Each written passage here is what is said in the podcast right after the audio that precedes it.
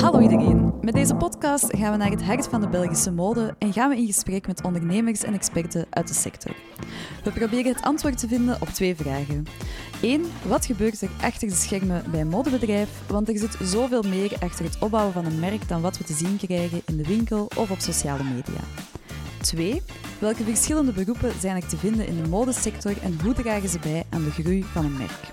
Mijn naam is Lien. Et moi, je m'appelle Astrid. En samen hosten wij We Love Belgian Brands, de eerste podcast over Belgische mode.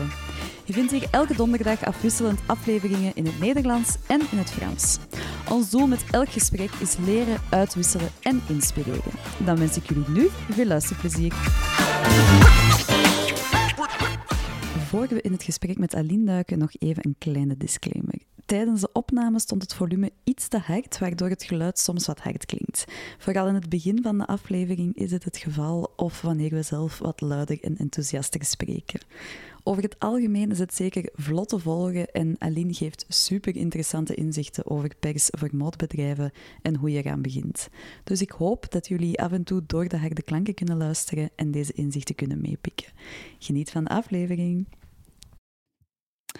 Hallo iedereen en welkom bij een nieuwe aflevering van We Love Belgian Brands. Mijn naam is Lien en zoals jullie misschien in een van de vorige afleveringen gehoord hebben, zal ik vanaf dit seizoen jullie host zijn voor de Nederlandstalige gesprekken van deze podcast.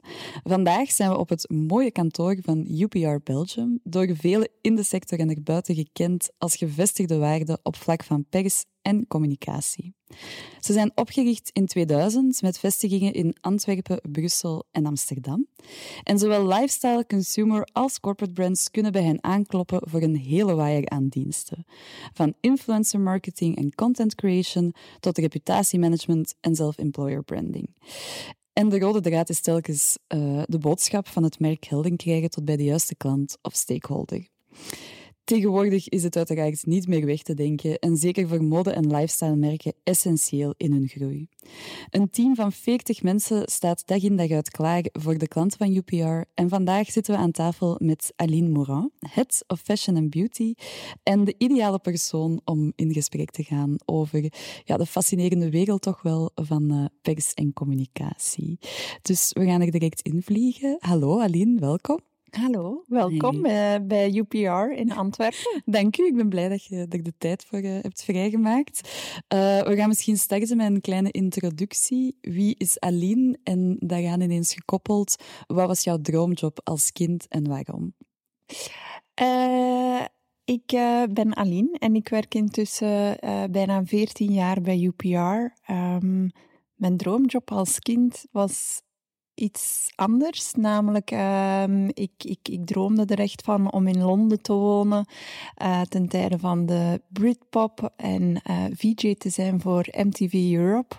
Uh, en dan in het weekend naar de underground feestjes te gaan. Um, dus naast mode en beauty heb ik eigenlijk ook altijd een grote liefde gehad voor muziek, waar ik echt wel mee opgegroeid ben. Um, dus ja, dat was mijn droomjob. Ja.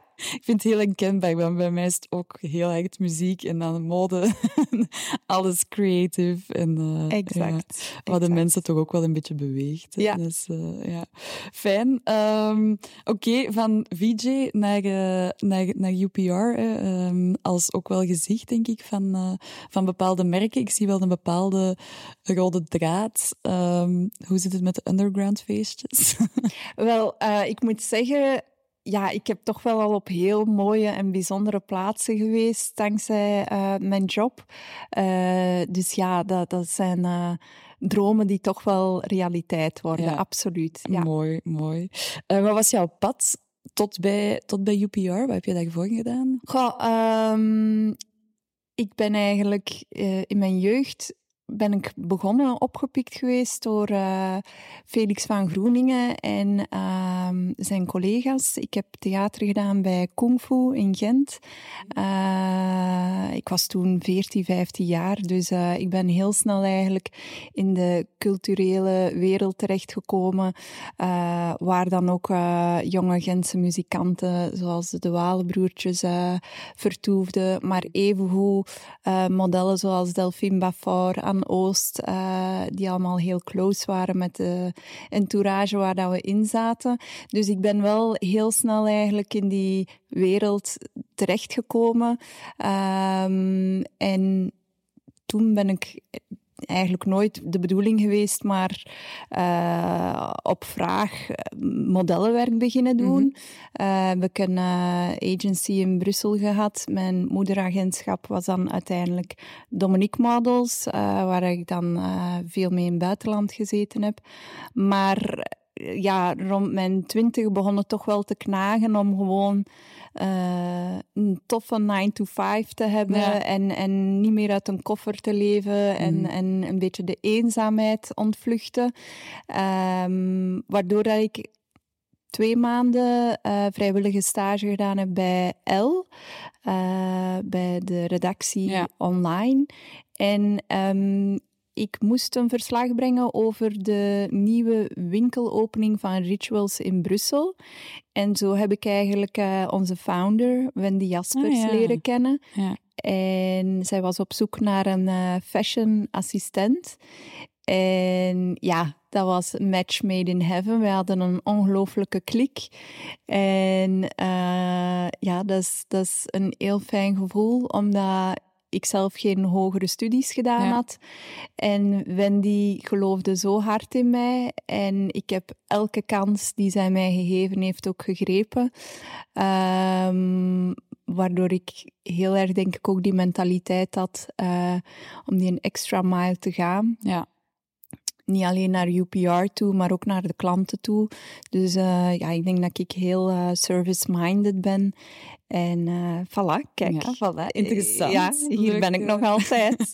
Leuk pad, met toch inderdaad wel zo'n rode draad, creativiteit, ja. mode, neem ik aan dat je ook heel veel van, ja. van gezien hebt natuurlijk. Inderdaad. Alright, cool. Um, ja, kan je misschien wat meer vertellen over UPR Belgium? Wat, wat is het wel of wat is het vooral niet? Wel, toen ik hier startte, waren we eigenlijk echt gefocust op PR. Dus echt de relaties tussen een brand en, en de Belgische pers. Mm -hmm. Naast Belgische pers nemen wij ook Luxemburg mee onder onze vleugels, omdat dat een heel klein medialandschap is. Um, en Nederland is er ook bijgekomen, omdat wanneer Wendy UPR startte, ze eigenlijk veel van internationale brands de vraag kreeg: ja, maar weten jullie ook niet iemand goed in Nederland? Mm -hmm. We willen echt een Benelux-strategy uh, neerleggen. En zij is dan eigenlijk op zoek gegaan naar een uh, persoon die, die UPR Nederland wou ja. opstarten. En is zo terechtgekomen bij Lillian, die uh, de founder is van uh, ons sister agency in Amsterdam. Ja. Right, Waarom cool. twee verschillende agencies? Omdat de aanpak van België een uh, andere aanpak vraagt dan ja. Nederland. En je hebt toch ook wel, denk ik, u, zeker in PEX, lokaal netwerk nodig. Te, exact, ja. exact. Ik denk um, dat dat nog altijd een van de key uh, business is. Namelijk uw relatie die je opbouwt met de jaren uh, met de journalisten. Wij zijn een klein complex land, België, met de twee talen die hier uh, in hoofdzaak gevoerd worden. Maar het voordeel is, wij hebben heel goede, uh, sterke senior journalisten die al lang meegaan ook in het vak. Ja, en dus die kent je ook wel? Die ken ik heel goed. Ook als je ja, op persreis gaat naar Tokio en vijf dagen met elkaar optrekt, ja. dan, dan uh, is er wel een connectie die je nooit vergeet. Um, dus dat is sowieso iets dat je opbouwt. Ja. Maar bijvoorbeeld in Nederland zijn er veel meer verschuivingen in, uh, in, bij de oh. journalisten. Uh, zijn er ook heel veel jonge uh, meiden die ineens oppoppen en, en een belangrijke positie innemen. Dus daar, daar beweegt het veel sneller. Um, dus ja, ik ben blij dat we in België toch wel die loyaliteit ja. hebben, zowel van journalisten als van PR's. Ik denk dat dat ook een van onze sterkte is. Wij hebben een heel loyaal team. Uh, als je kijkt hoeveel jaren iedereen, iedereen hier al zit. Um, Dat is toch wel bijzonder. Ze zeggen meestal PR doe je drie jaar en nadien nooit meer. Ehm, maar ja, ik denk dat onze meeste mensen hier minstens vijf jaar al zitten. Dus dat is wel bijzonder. Ja, knap. En begrijp ik dat dan ook goed, dat dat, dat ook wel een, een, deel is, die, die band, die persoonlijke band die jullie hebben met de journalisten, met de mensen in de pers. Is dat ook een, een stuk hetgeen wat mensen bij jullie komen afnemen als Absoluut. dienst? Ik denk dat dat de meeste feedback is die wij horen van uh, jonge Belgische brands. Die zeggen van ja, we hebben een persbericht uitgestuurd um, naar, naar alle belangrijke Belgische titels, maar nooit reactie gehad. Nu, ik moet zeggen, wij weten zelf um, dat onze Belgische journalisten gemiddeld 300 mails per dag krijgen. Wow. Um, dus dat is heel veel. Ja. Als jij geen connectie hebt met die journalist, is de kans groot dat je één in de spam terechtkomt of twee gewoon uh, eruit gebonjourd wordt. Um, tegenover als ze uh, een naam zien van, van onze collega's of van mezelf, dan mm. weten ze van, ah, Aline die wil iets exclusief pitchen bij mij, wat voor nieuwigheid heeft ze nu? Um, daar ben ik wel benieuwd naar. Wij gaan wel inderdaad tot bij de journalist effectief binnen geraken. Ja. Dus dat is wel een heel belangrijke, ja. Ja, ja. En zijn er voor echt banken die nog die te klein of te opstartend zijn om echt op een persbureau al beroep te doen? Zijn er manieren waarop dat die toch al een streepje voor zouden kunnen hebben bij een journalist of manieren om die band al een beetje op te bouwen. Uiteraard gaat dat nooit hetzelfde zijn als jullie die ze al 15 jaar kennen, maar heb je, zijn er daar zaken die mensen zouden kunnen doen? Ja, sowieso. Uh, de journalisten die houden ook hun ogen open mm -hmm. en zijn ook altijd wel op zoek naar nieuw jong talent. Uh, ze zijn ook altijd op uh, de, de modeshows van de Antwerpse ja. Academie of La Cambre of Sint-Niklaas.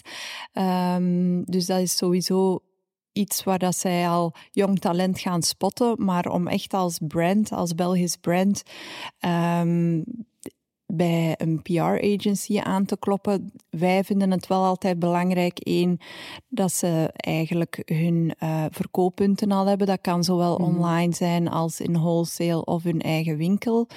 Uh, dus het product moet ook ergens afneembaar zijn. Ja. Als jullie product in een magazine verschijnt en de lezers die zijn geïnteresseerd, die willen weten waar dat te koop is. Ja. Um, dus dat is één. En dan daarnaast gaan wij ook wel gaan kijken welke assets zijn er uh, al voorzien. Hebben ze mooi beeldmateriaal? Hebben ze packshots, dus echt product shots um, die, die je in een shoppingpagina ziet verschijnen. Um, zijn er al uh, prijslijsten vastgesteld? al die zaken hebben wij eigenlijk nodig. Dat is een basis die wij nodig hebben mm -hmm. om mee aan de slag te kunnen gaan. Ja. Uh, een persbericht hoeven ze nog niet per se te hebben. Hebben ze dat, is dat zeker goed. Hebben ze dat nog niet, wij kunnen zeker gaan begeleiden.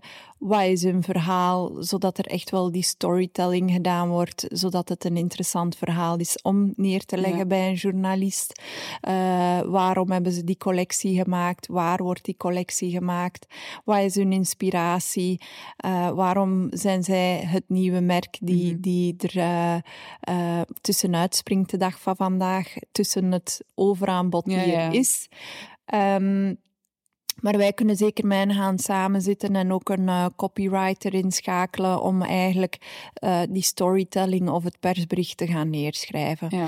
Dat zijn assets die zij dan creëren, waar wij mee aan de slag gaan, maar die zij evengoed ook kunnen inzetten voor hun eigen social kanalen. Uh, copy kan gebruikt worden voor hun website of communicatie op hun Instagram. Ja. Dus sowieso, ik denk dat er een goede basis nodig is om niet alleen bij ons neer te leggen, maar ook echt hun branding. Dus mm -hmm. uh, naast PR gaan wij ook echt wel met een merk gaan kijken van wat mist er nog, wat zijn de juiste personen die jullie nodig hebben om mooi beeldmateriaal te gaan voorzien, om mooie content te gaan creëren. Um, dit is iets waar ze zelf goed in zijn, ja. maar deze puntjes missen jullie nog. Dus wij gaan ook echt mee gaan nadenken over hun, hun branding ja, of, of hoe dat we die communicatie op verschillende kanalen kunnen gaan zetten. Ja. Ik dus... denk dat dat ook het grote verschil is met als ik hier begon Dan deden wij specifiek PR, maar ondertussen, afgelopen 14 jaar, zijn er ook de influencers bijgekomen. Eerst waren het bloggers die dan uitgegroeid zijn tot influencers. En nu gaan brands steeds meer op zoek naar persons of Mhm. interest. Uh, dus het evolueert sowieso altijd verder. En wij willen niet in één hokje zitten van wij doen persrelaties. Nee, wij willen echt wel mee binnen een brand zitten, binnen hun team, mee gaan nadenken. Ja. Wat zijn opportuniteiten? Is er misschien een toffe lokale uh, kruisbestuiving die we kunnen inzetten, waardoor dat de community van uh, brand A uh, mee de community kan oppikken van brand six, Z. Dus ik denk dat dat allemaal belangrijke Mhm. aspecten zijn, dat wij echt wel heel 360 proberen na te denken. Ik denk dat dat ook wel een trend is dat je ziet in, in de gehele perswereld. hè dat, Ja. dat bureaus die initieel enkel gefocust waren op oké, zoveel mogelijk de brands in de geprinte media Mhm. te krijgen, dat die nu meer en meer naar een soort all-round communicatie en ook zelfmarketing eh aanpak gaat. Het lijkt mij ook heel nodig dat, dat alles op elkaar is afgestemd. Zeker Exact, in de zeer complexe wereld van, eh, van marketing, om daar dan nog ook eh, advertising en zo bij, bij te nemen. Dus ja, dat is super Inderdaad. interessant hoe dat jullie dat bekijken. Om even terug te komen op ehm, wat heeft eigenlijk een brand nodig om met pers aan de slag te gaan, dan hoor ik u zeggen, ehm, enerzijds toch al een beetje een bepaalde maturiteit in de zin van, ja, als je producten ergens in een, in een magazine krijgt, moeten ze ook wel te leveren zijn en hè, een degelijke kwaliteit hebben. Um, maar oké, okay, laten we ervan uitgaan dat de, dat de meeste brands dat wel al ongeveer onder de knie hebben. Ja, oké, okay. niet altijd. Niet altijd. ja, ik snap het wel wat je wilt zeggen. Um, maar oké, okay, dus je zegt dat is eigenlijk een, een prerequisite, een, een, echte, een echte voorwaarde voordat je naar, naar de pers gaat. Ja, en daarnaast ook gewoon zorgen dat al de kanalen afgestemd zijn op elkaar. Mhm. Want uh, ik, ik betrap er mezelf ook op als ik een leuk uh, brand spot. Het eerste dat ik doe is via Instagram gaan kijken, Ja. omdat dat al heel veel teruggeeft Mhm. uh, wat hun DNA is, wat hun sfeer is. Um, en dan ga ik misschien zelf doorklikken ook naar de website. Dus ik denk dat het wel heel belangrijk is om al die kanalen uh, op elkaar Ja. afgestemd te hebben. Ja, klopt. Ja, dat is eigenlijk ook altijd mijn eerste reflex. En niks, niks zo frustrerend dat je dan bij, bij brands of evengoed podcasts of zaken Ja. dat je interessant vindt als je dat dan niet direct vindt. Inderdaad. Op, uh, ja, inderdaad, de kanalen.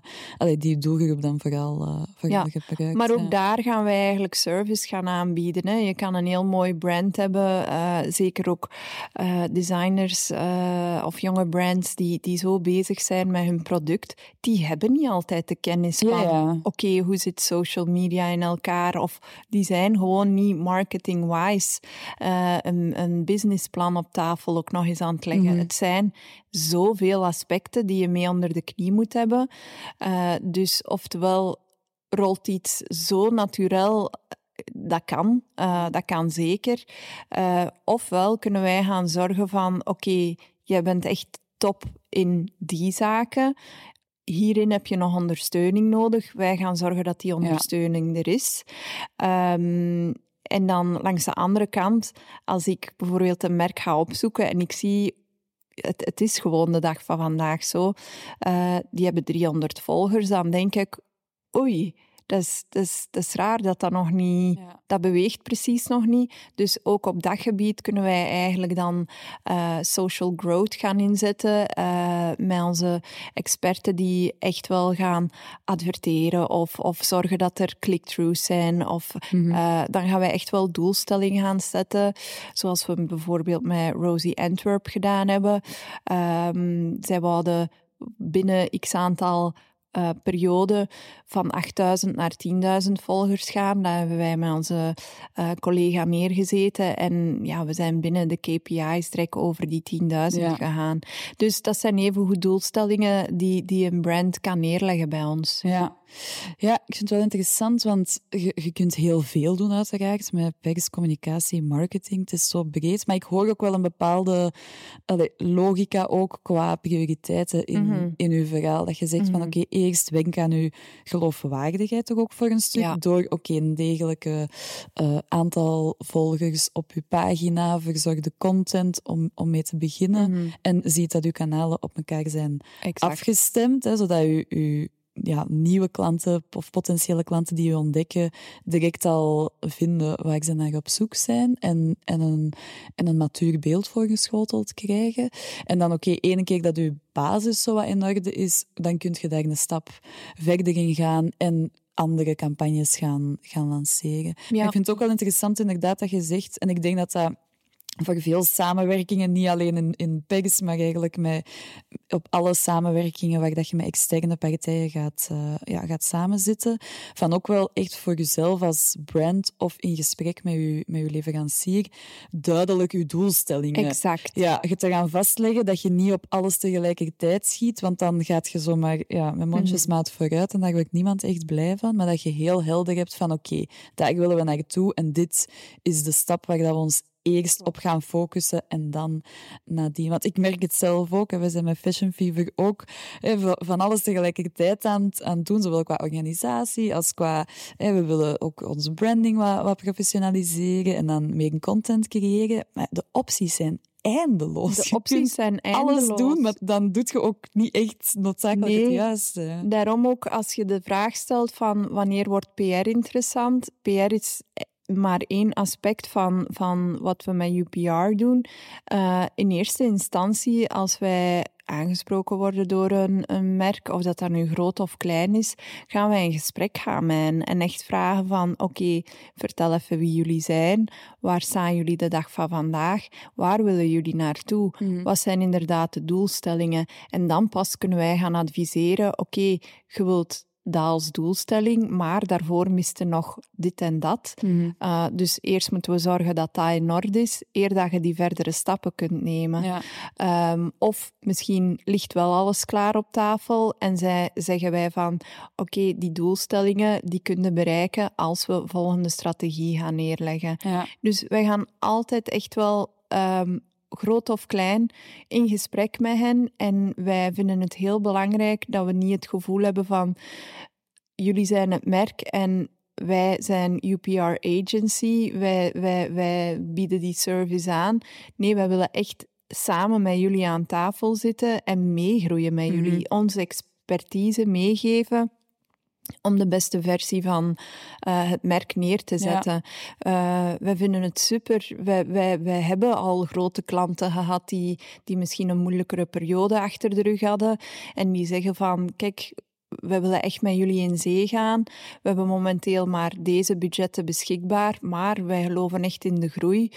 En als wij dat merk voelen, ja, dan gaan wij daarvoor. Ja. En dan weten wij van, wij gaan samen groeien. Mm -hmm. Zo hebben we echt wel een heel aantal merken uh, nee, ja, ja. Uh, al gehad. En um, ja, ik denk dat dat toch wel een van de main messages is, dat we mee binnen het merk uh, tot het team willen horen. Ja, cool.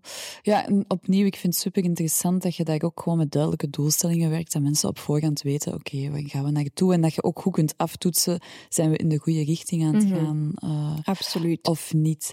En misschien een tricky vraag, maar qua, qua budgetten als mensen, niet specifiek bij jullie misschien, maar met PEGS in het algemeen, als je als merk, modemerk, met PEGS aan de slag wilt gaan, wat is zo'n minimum qua budget waar dat je echt rekening mee moet houden? Terug opnieuw, dan ga ik zeggen, dan wil ik eerst horen ja. wat jullie doelen zijn, omdat we juist zo een waaier aan services hebben. Uh, jij zit hier nu in onze prachtige showroom op het eilandje.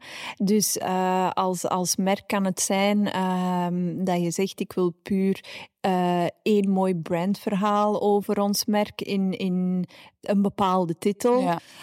Maar je kan ook zeggen van, ik wil een cover halen op een mooie damesblad. Ja, dan weten wij sowieso al, oké, okay, showroom moet eraan gelinkt worden. Hebben jullie een extra sample collectie beschikbaar? Zodanig, die we, zodanig dat we die hier ter beschikking kunnen stellen aan alle stylisten die over de vloer komen. Ja. Ja, ja, Willen jullie bepaalde titels titels alleen gaan focussen? Of mag het echt wel ons volledige Belgische medialandschap zijn? Dus er zijn zoveel terms and conditions die eigenlijk jullie budget gaan bepalen. Willen jullie ook een influencercampagne neerzetten op, bepalen, uh, op betalende samenwerking? Of willen jullie uh, een vijftal producten uh, gaan giften aan influencers in de hoop dat ze het gaan brengen? Mm -hmm. Dan gaan wij ook adviseren van, goh, die influencer, ik weet dat je daar heel graag mee zou willen samenwerken, maar dat is enkel betalend. Je hebt minimum dat bedrag daarvoor nodig. Dus het hangt van zoveel aspecten mm -hmm. af. Maar de main question is, wat willen jullie? Wat, wat is jullie goal? Ja. Ja, ja, om dan altijd terug te wenken, dat lijkt me inderdaad de logische ja. redenering. Ik hoor hier ook, dat vind ik echt super interessant, heel veel verschillende stakeholders, als ik het zo kan noemen, waar jullie mee samenwerken en waar jullie een relatie mee hebben, die bijdragen tot, we hebben al journalisten gehoord, maar nu hoor ik ook stylisten, we hebben al influencers gehoord. Zijn er zo nog de typische um, ja, functietitels, of hoe moet ik het zeggen? Um, de consumenten? Ja. Uh, ik denk de, de main goal is, of, of de main message, is altijd om bij de juiste consument terecht te komen. Mm -hmm. En ik denk dat dat ook afgelopen jaren um, nog veel meer hand in hand gegaan is, is de PR en de marketing.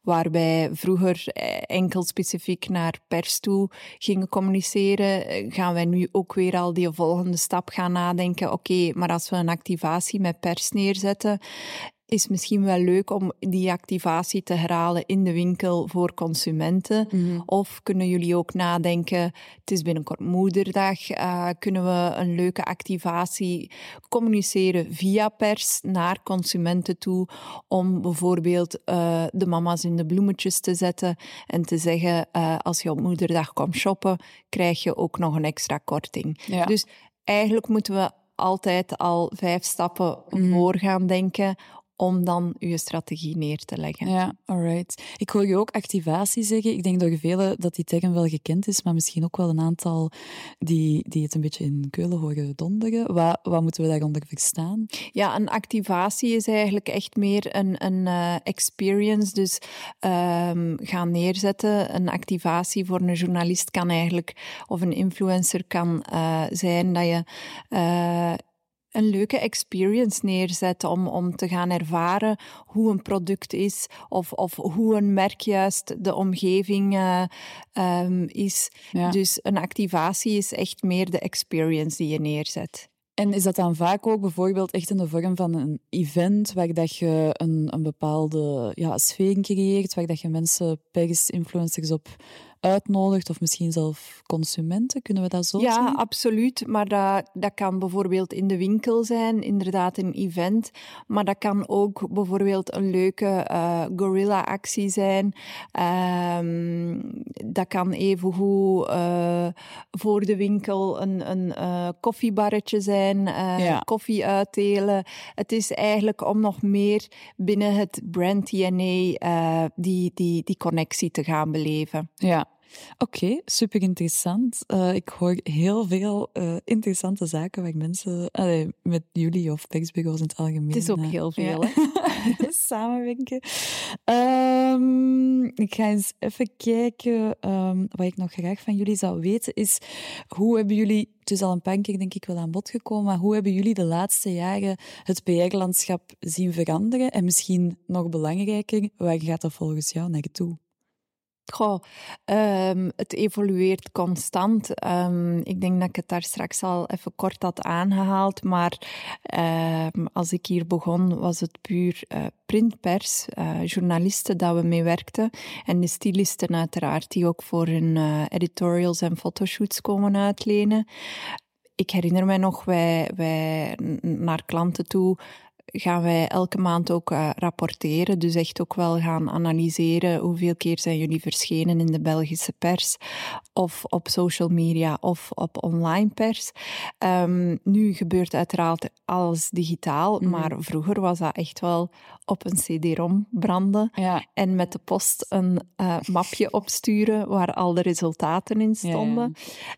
Ik voel me heel oud als ik daaraan terugdenk. Maar um, ja, de dag van vandaag gebeurt alles digitaal. En toen kwamen er de bloggers bij, die dan geëvolueerd zijn naar influencers. De influencers zijn dan de dag van vandaag eerder uh, persons of interest, waarbij brands eigenlijk nog meer die storytelling willen gaan neerzetten en gaan kijken, is er een leuke muzikant die binnen ons brand DNA uh, eh, matcht um, en ons verhaal kan neerzetten door eigenlijk in haar of zijn leefwereld uh, um, terecht te komen. Dus ja, het, het blijft evolueren. Um, het gaat ook heel snel. En ik denk dat het heel belangrijk is voor ons om, om mee te blijven mm uh, kijken naar, naar wat is er interessant, waar zijn er opportuniteiten. Ja, en zie ik dat juist als de trend toch ook wel altijd meer en meer richting echte authenticiteit gaat. Want ik, ik hoor je zeggen bijvoorbeeld, hè, je gaat van blogger naar influencer naar persons of interest. En een person of interest is al iemand die echt vanuit een bepaalde passie of een bepaald beroep een interessant leven heeft, als ik het mhm. kan, dat ja, juist kan klopt. verwoorden. En daardoor ook interessant is voor mensen om zich aan te linken. Maar ik denk even goed dat voor die mensen zelf, je merkt dat ook met muzikanten, is een heel mooi voorbeeld, dat die zelf ook heel erg inzetten om misschien ook wat meer personal branding, wat zaken achter de schermen te laten mhm. zien, wat ook helpt in, in hun uh, carrière. Maar ik, ik merk dat ik toch ook wel een, een trend in een zekere zin, dat mensen gewoon de echte persoon en inderdaad echte verhalen achter mhm. een, een merk of, of uh, ja, andere artiesten uh, willen zien. En ik heb het gevoel dat dat op, op vlak van, van beelden die gebruikt worden, dat de, de generatie na mij bijvoorbeeld, dat die veel minder geëdite foto's, dat dat allemaal... Absoluut. Ja, dus ik vind dat ook wel ik vind dat een heel interessante en, en ook wel waardevolle uh, evolutie. Zie, zie ik dat juist op die manier, als we dat kunnen samenvatten richting meer en meer gewoon de, de werkelijkheid, de realiteit laten zien? Ja, gewoon simpelweg um, omdat de credibiliteit gewoon superbelangrijk mm. is. Zeker bij de nieuwe generatie. Zij they're not gonna buy it als ze zien dat het uh, uh, helemaal opgezet spel is. Mm. Voor hen is inderdaad die authenticiteit en die credibiliteit heel belangrijk. Ja. En dat is dan ook de reden waarom dat die switch gekomen is, meer van influencers naar persons of interest, omdat zij ja, um, heel lokaal een, een, een uh, heel sterk netwerk hebben en een heel uh, belangrijke connectie hebben met hun mm um, engagement en, en, en ja, ja, followers. Um, dus dat is ook de reden slim gezien uiteraard, dat brands die uh, tactiek is gaan toepassen om daarop in te zetten. Ja. Omdat als ze daarmee samenwerken, dan gaan zij ook ineens uh, veel meer geloofwaardigheid ja. hebben. Ja, ja, ja, absoluut. Alright. Ja, waar dat je vroeger misschien gewoon met een aantal mooie foto's, hè, toen het ook minder op video gericht was, een, een mooi beeld kon neerzetten, moet je nu toch ook wel echt veel meer zaken kunnen ja. laten zien. En ik denk waar dat er gewoon ook een heel grote verandering is uh, tegenover vroeger, uh, vonden we het fantastisch als we een internationaal gezicht hadden uh, die, die, die voor een merk stond, maar alles is ook zoveel lokaler geworden. Dus wij hebben echt wel heel veel gezien dat er afgelopen jaren globale strategieën worden neergezet door een brand, die wij dan lokaal gaan vertalen. Ah, Omdat, om die credibiliteit te hebben, vinden ze de, de dag van vandaag, de, de, de jeugd zeker, het belangrijk om te zien van oké, um, Beyoncé is misschien internationaal het gezicht, maar uh, de influencer of uh, people of interest die ik volg, is daar ook mee geconnecteerd. Dat is niet zo ver van mijn mhm. bed meer. Dus het lokale aspect is veel tastbaarder uh, voor de consument dan, dan uh, het globale droombeeldje. Ja, ja, ja, tuurlijk. En kan misschien zelfs nog meer impact hebben, want 100%. Ja, het is ook niet omdat een of andere popster één keer of twee keer exact. iets draagt van u, dat dat ook effectief omzet in meer omzet. Of, uh, exact. ja, lokaal gezien gezichten, weten wij, gaan ook uiteraard voor een uh, mooie omzet zorgen. Ja. Ja. ja, wat uiteindelijk toch ook wel altijd een beetje het, het doel is om die groei te kunnen realiseren. Ja, en, en je ziet zelf uh, kleine brands en, en grote internationale brands die, die echt wel gaan kijken naar die kruisbestuiving om met een lokaal talent uh, een samenwerking neer mm -hmm. te zetten. Dat kan inderdaad zijn door mooie content te creëren, um, maar evengoed door, door echt effectief een product uh, samen te lanceren en, Ah, en ja, samen ja. een product op de markt te Ja. brengen. Dus um, ja, dat zien we toch ook veel meer. Ja, alright. Ehm, we gaan misschien stilaan afronden, want we zijn hier al bijna een half uur super fijn aan het babbelen.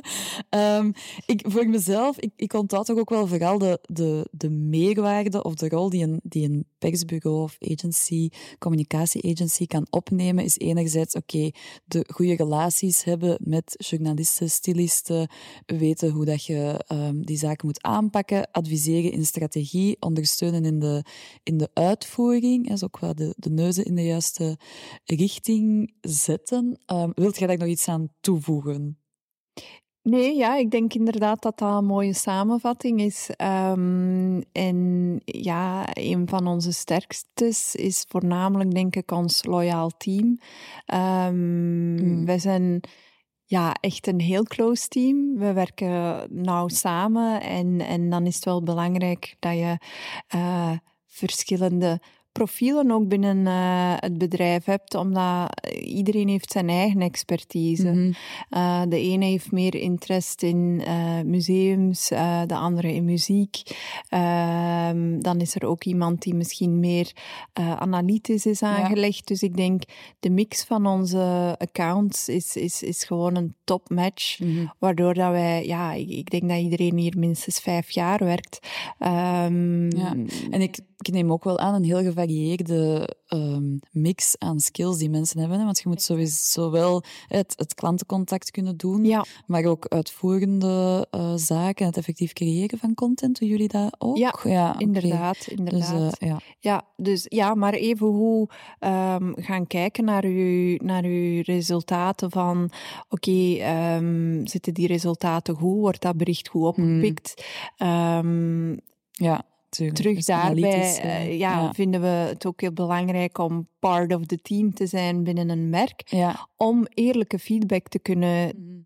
terugkoppelen, om, ja, om, transparant te zijn naar hen en te zeggen van die beelden die hebben minder gewerkt. Um, ik, ik heb het ook even afgetoetst bij die journalist en hun feedback is dit of dat. Ja, oh, super um, ja ik, ik denk dat wij gewoon ook heel close staan bij, bij de journalisten die, die ook een expertise mm -hmm. hebben van modekennis of, ja, ja, ja. of, of uh, skincare kennis. En, en dan gaan wij ook heel eerlijk gaan zeggen van, goh, we hebben nu toch al een paar keer gehoord uh, van die dagcrème, um, gaven ze al meerdere keren die feedback terug. Mm -hmm. Ik denk dat dat super waardevol is ja. naar een merk toe, om dat ook gewoon transparant uh, te zeggen. En dat bedoel ik ook, wij willen samen groeien met de merken die, die, mm. die werken bij ons. Ja, absoluut. Um, en ook, denk, als je daarin kort op de bal kunt spelen, is dat ook gewoon een... Uiteraard. Allee, gaat dat de samenwerking ja. ook verbeteren ja. en gaat dat sneller tot je resultaat komen. Absoluut, ja. ja.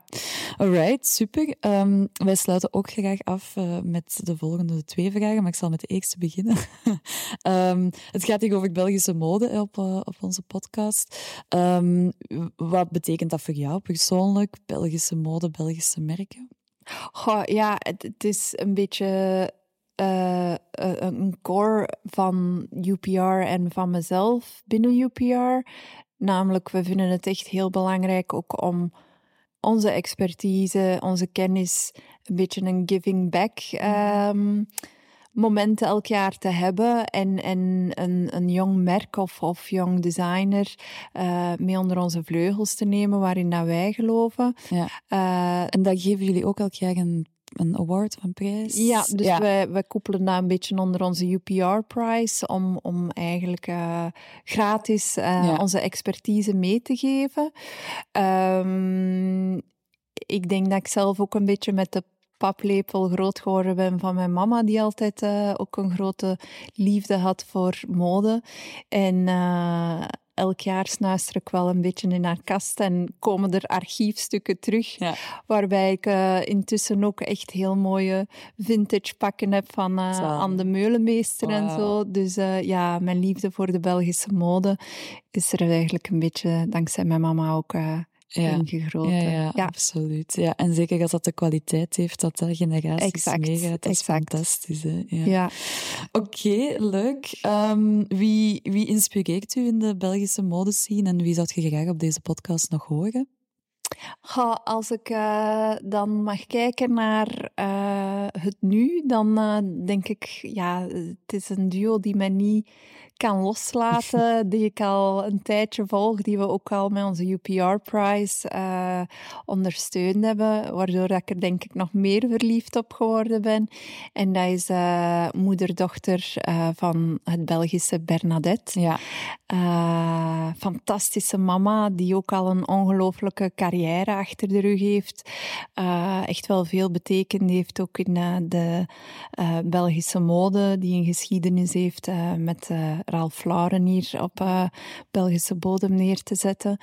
En dan de dochter Charlotte, die een, een prachtige verschijning is, uh, een heel frisse verschijning ook, um, die... die uh, naast Bernadette ook heel erg bezig is met haar eigen schilderwerken, mm -hmm. haar eigen kunstwerken. Uh, ik vind haar echt een uh, ongelooflijke coole madame, ook met ongelooflijk veel stijl. Dus uh, ja, dan zal ik toch wel zeggen ja, Bernadette, absoluut. ja, ja, En dan Charlotte dan specifiek misschien. Ja, ja. ja absoluut. Alright, top. Ja, ik ben ook een uh, grote fan van, uh, van alles wat ze creëren. Ze doen ook heel leuke uh, keramiek met, met hun, met hun designs op. Dus echt prachtig. Ja, ik vind dat ook een heel... Die hebben een super duidelijk verhaal, een super duidelijke stijl. Een dus, eigen wereld ja, gecreëerd. Inderdaad, en dat is, dat is denk ik ook de reden waarom dat het zo geloofwaardig overkomt. Met goede materialen. Ik hou van zijde. Dus. Alright, cool. Um, Aline, ik denk dat we hier rustig kunnen afronden. We hebben een, uh, een leuke, leuke aflevering om binnenkort uh, online te zetten. Ik uh, hoop dat de mensen die geluisterd hebben er ook iets van hebben opgepikt. Um, ik heb alleszins ja, heel veel interessante zaken horen passeren. Um, Super. Dus dank je wel voor je tijd. Heel graag gedaan. Yes.